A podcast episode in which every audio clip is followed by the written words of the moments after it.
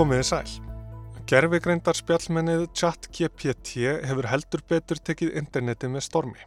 Fyrirsagnir á borð við verður gerfigreind banabiti heimalærdóms og gerfigreind þvingar íslenska skóla til endurskoðunar hafa ratað á forsýður fréttamilana og á YouTube, TikTok og Instagram er aragrú af efni sem spjallmennið hefur skrifað. En hvað er ChatGPT? Spyrjum velmennið sjálft. ChatGPT, þróað af OpenAI, er háþróa tungumála líkan sem notar djúbnám til að búa til mannlegan texta. Þetta líkan hefur verið nota víða í mismunandi atvinnugreinum allt frá náttúrulegri málvinnslu til efnisköpunar.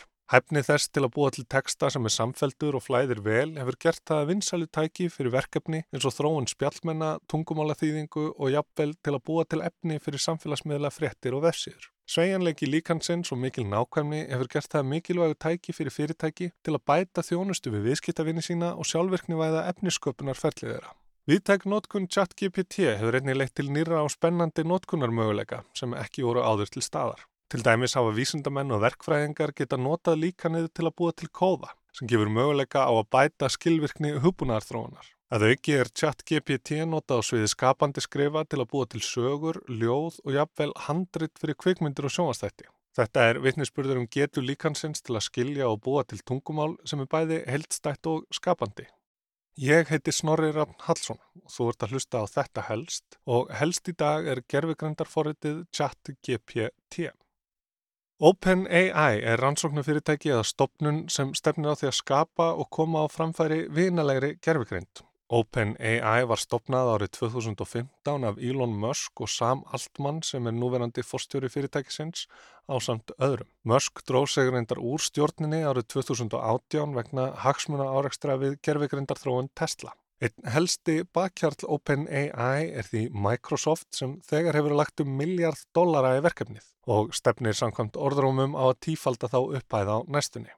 Forrið OpenAI, svo sem DAL-E og ChatGPT verða þá hluti af vörum og þjónustu hugbúnaðarísans. En eitt spjallmennið en einn gerfigreindin. Hvað er svona fréttnefnt við það, getur maður spurt sig? Jú, ChatGPT er nefnilega fyrsta stóra skapandi gerfigreindin sem almenningur hefur aðgang að. En OpenAI gerði ChatGPT aðgengilegt öllum í november síðastliðin. Skapandi gerfegreind er ekki bara færum að greina texta, myndir, myndbönd og hljóð heldur búa þau til.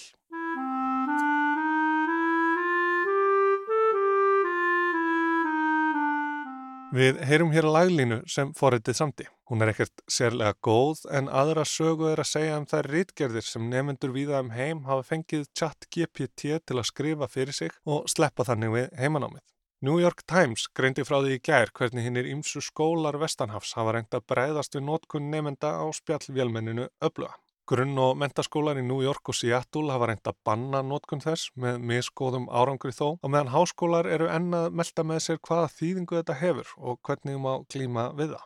Chat GPT er því mál málana hjá háskólum sem þurfa að breyðast hratt við. Því Chat GPT verðist geta svarað flestum spurningum á afar sannfærandi hátt. Allt frá þemum harmleikja Shakespeare til ólíkra aðferða við að innleiða JavaScript kóða í HTML og alls konar floknari hluti sem ég er ekki nógu klár til að láta mér detta í hug að spyrja.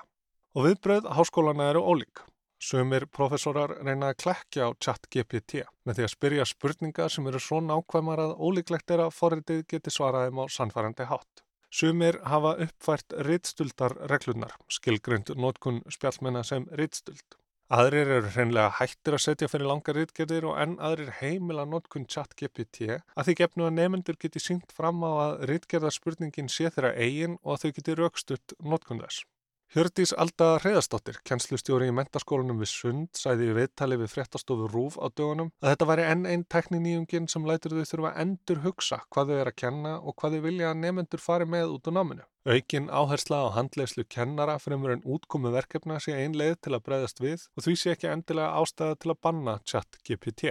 Nótkun á ChatGPT hefur eins og strax orðið nokkuð útbreytt. Á aðeins tveimur mánuðum hefur forritið hleyft af stað breytingum á mentakerfum og kennsluaðferðum hér á landi og erlendis. Eftir því sem nótkun ChatGPT færist í aukana og við komum auga á fleiri nótkunamöguleika, má leiða líkur að því að umbreytingin verði enn meiri. Fjörða yðnbyltingin er komin vel á veg og velmennin virðast geta gengið í fleiri störf og hlutverk en nokkur sinni áður. En hvernig virkar þetta allt saman? Ég ringdi í sérfræðing. Ég heiti Hafsteinn Einarsson og er lektor í tölunafræði Háskóla Íslands.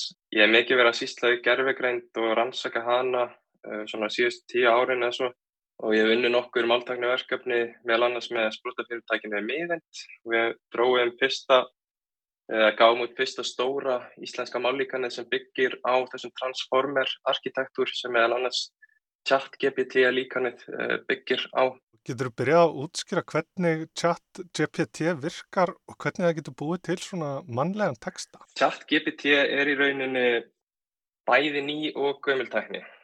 Gömul í þeim skilningi að hún byggir á tauganetsarkitektur sem er um 6 ára gamall sem er í rauninni gamalt í þessum gerðugrændarfræðin. Fyrir nokkrum árum þá komum út þessi fyrstu stóru skapandi tauganet. Þessi tauganet eru þjálfið þannig að þeir fá að sjá gífurlega mikið af texta og þeir fá sérst einhvern texta sem intak og þeir að segja hvað kemur næst, hvað kemur í framhaldinu eða spá fyrir um hvernig textin heldur áfram. Þannig að þannig er þetta þjálfissi líkun álega gífurlega mikið að texta. Fólk byrjaði að taka eftir því að því stærri sem líkaninn urðu og því meira af texta sem voru þjálfið á, því betri urðu þau. Og á endanum, það sem kom kannski fólki svolítið óvart, að auðluðust þau hæfni sem kölluður til dæmis zero shot learning á ennsku og in context learning sem þýðir að þó þetta líkan hafi bara verið þjálfað til þess að spá fyrir um framvalda texta það auðvitaðist að getur til að leysa annars konar verkefni.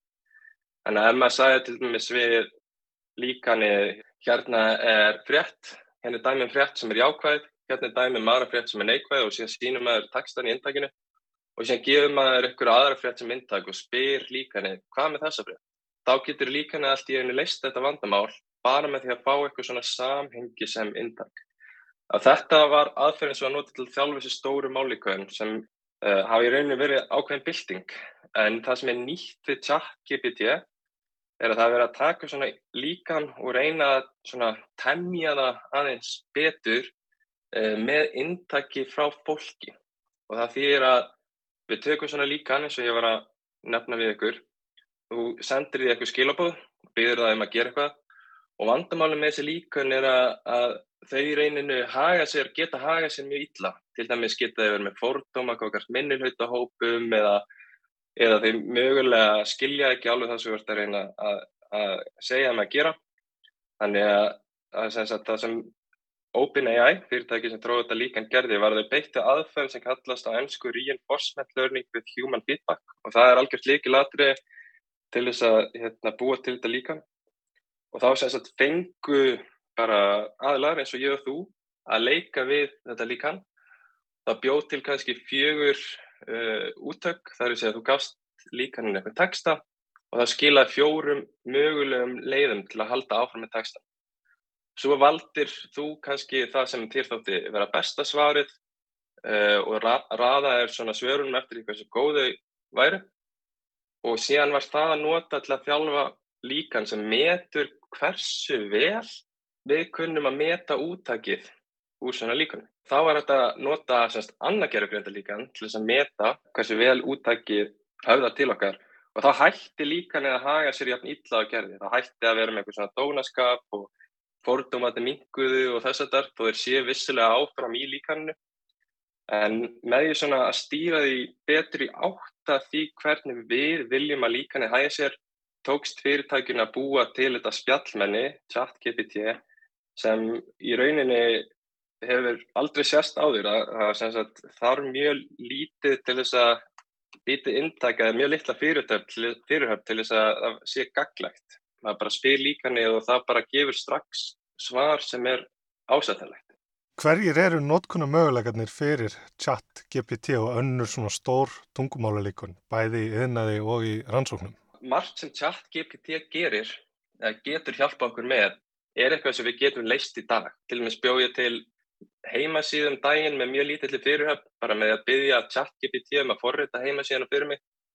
Og ég hefði alveg getað búið til þessa heimasíðu sjálfur, þó ég sé ekkert sérstaklega góður endlega að búið til heimasíður, og, en það hefði kannski tekið mig nokkru klukkutíma. Að með að með chat-GPT tók ég kannski bara tæpan klukkutíma þar sem ég var að skilja átt að mig á því hvaða var sem það var að reyna að hérna, gera fyrir mig þannig að aðal virði sem chat-GPT í rauninni skapar er að svona tíminn sem fer í að leysa verkefni er allt í miklu minni. Það er miklu auðveldra að leysa verkefni sem við áður hefðum þurft meiri tíma í að leysa eða meiri aðstof. Og séum við tala jafnvel um að líka eins og ChatGPT muni, hérna, fólk muni frekar vilja nota það heldur, heldur en til dæmis að googla. Og þetta ef maður spyr ChatGPT að eitthvað þá kemur það með svar sem er sérstaklega sniðið að spurningunni sem maður spurði það að. En hérna á meðan með Google þá leitar maður okkur á Google síðan þarf fer, fer maður inn okkur á síðu og þarf að leita þar mögulega að einhverju efni. Þannig að þetta er í rauninni hendur í leitarvél í einhverjum skilningi.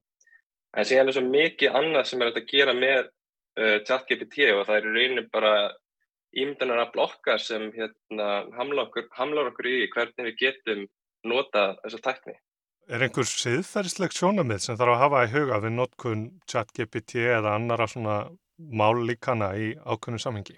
Já, vissilega og hérna fyrstu svona transformer líkanurinn uh, þau voru meðlan að stróið innan Google og Google uh, hefur stróað líkan sem eru stærri heldur en þetta chat-GPT líkan. Þau hafa ákveðið að gefa líkani ekki úti eða allavega að býða með það að hérna, uh, nota það í sínum vörum Og það er meðal annars út af því að það er ekki hægt að tryggja að það sem líkanni segir sé rétt.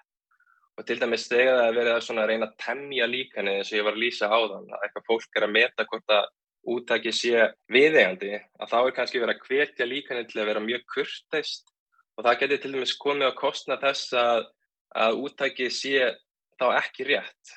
Um, þannig að maður þarf að passa sig þegar maður er að nota svona líkan að, að að bara taka ekki svarið í blindni þó vissulega hafa það oft rétt fyrir sér en þetta er eitt af vandamálunum með þessu líkuna að þau eiga til að bylla en þau bylla með mjög samfærandi hætti þannig að ef maður sér ekki að getur ekki átt að sjá byllinu þá getur maður kannski lett í einhverjum vandamálum. Hvernig sér þau fyrir þeirra að þessi tækni komið til með að þróast? Það sem er kannski áhugavert er í rauninni að búa henda pening í þessu verkefni að það er mjög dýrst að keira þessi stóri málíkan og þau krefjast uh, tölubúnaðar sem er dýr og orkufrekur.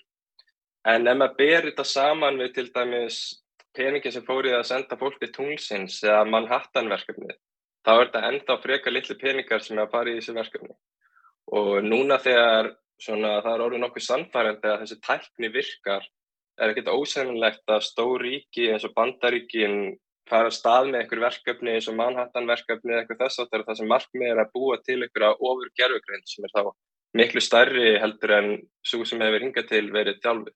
Já, kannski rétt að ég segja þér það núna ég hef ekki verið að taka þetta viðtal heldur chat GPT, þetta er allt spurningar frá fórutunum sjálfu. Já, það er mjög áhugavert en þú væntalega að það þýttir það frá ennsku og íslensku gerir þér áferðist. Já, ég gerir það. Já, en það er ekki ósennlegt að næsta útgáfa á svona mállíkunum verður bara, við tala íslensku reybrennandi og, og það er bara tímaspyrsmál hvenar hægt verður að fara að nýta þessa tækni á Íslandi. Til dæmis er ekkit ósennlegt að svona tækni geti leist fólk í, hérna, leista fólk í þjónustuverum sem eru kannski bara að svara einhverjum fyrirspurnum viðskiptavinn eða fletta upp í einhverjum kjærfum. Þannig að mér finnst að stjórnvöld uh, þurfum við að fara að hugsa hvernig ætlum við að bregðast við þessu. Þetta mun líklega allt saman gerast hraðar heldur en við búumst við. Já, manni finnst til dæmis eins og með chat-GPT hvaða sko að þetta er fyrsta mótalið sem að almenningur einhvern veginn fær aðgang á hver sem er getur notað þá finnst mann eins og þetta hafi bara sprungið fram bara með kvelli á mjög stuttum tíma. Já, einmitt. Og hérna í Háskóla Íslands, allan í þeim námskeiðum sem ég hef verið að uh, kenna, þá hefur við ákveðið að uh, við ætlum ekki að banna nýjamyndum að nota chat-GPT og það er líklega ómögulegt, en við viljum þá frekar að þau láta okkur vita ef þið eru að nota lausnir af þessum tóga. En, en það er alveg ljóst að, að það verður mjög erfitt að svona spórna gegn notkun á þessu líkani til dæmis þegar eh, nefndur eru að skila rítgerðum eða eitthvað þess aftur út af því að líkanið skrifa rítgerðir sem eru oft bara mjög góðar. Eh, Ég rætti, nefndi á þann Sam Altman sem er frangandistjóri OpenAI og árið 2019 þá var hann spurður hvernig ætlar fyrirtækið ykkar að, hérna, að græða pening í framtíðinni og hann sagði, ég veit ekki, en þegar við erum búin að þróa nógu stórt og nógu upplugt gerfugrindalíkan, þá minnum við einfallega bara að spyrja það, hvernig eigum við að græða pinn til þess að halda áfram þessari starfsemi. Og þá fóru allir að hlæja að þessu og það bara árið 2019 og núna er fólk aðeins svona að byrja að hugsa kannski ættum við að fara að ræða þessi mál all ítalega, ítalega hætti áður en það verður og senkt. Þetta var helst af spjallmenninu ChatGPT sem hefur velt upp fjölmörgum spurningum á örskumum tíma. Ég heiti Snorri Ramm Hallsson og þakka áhörnina.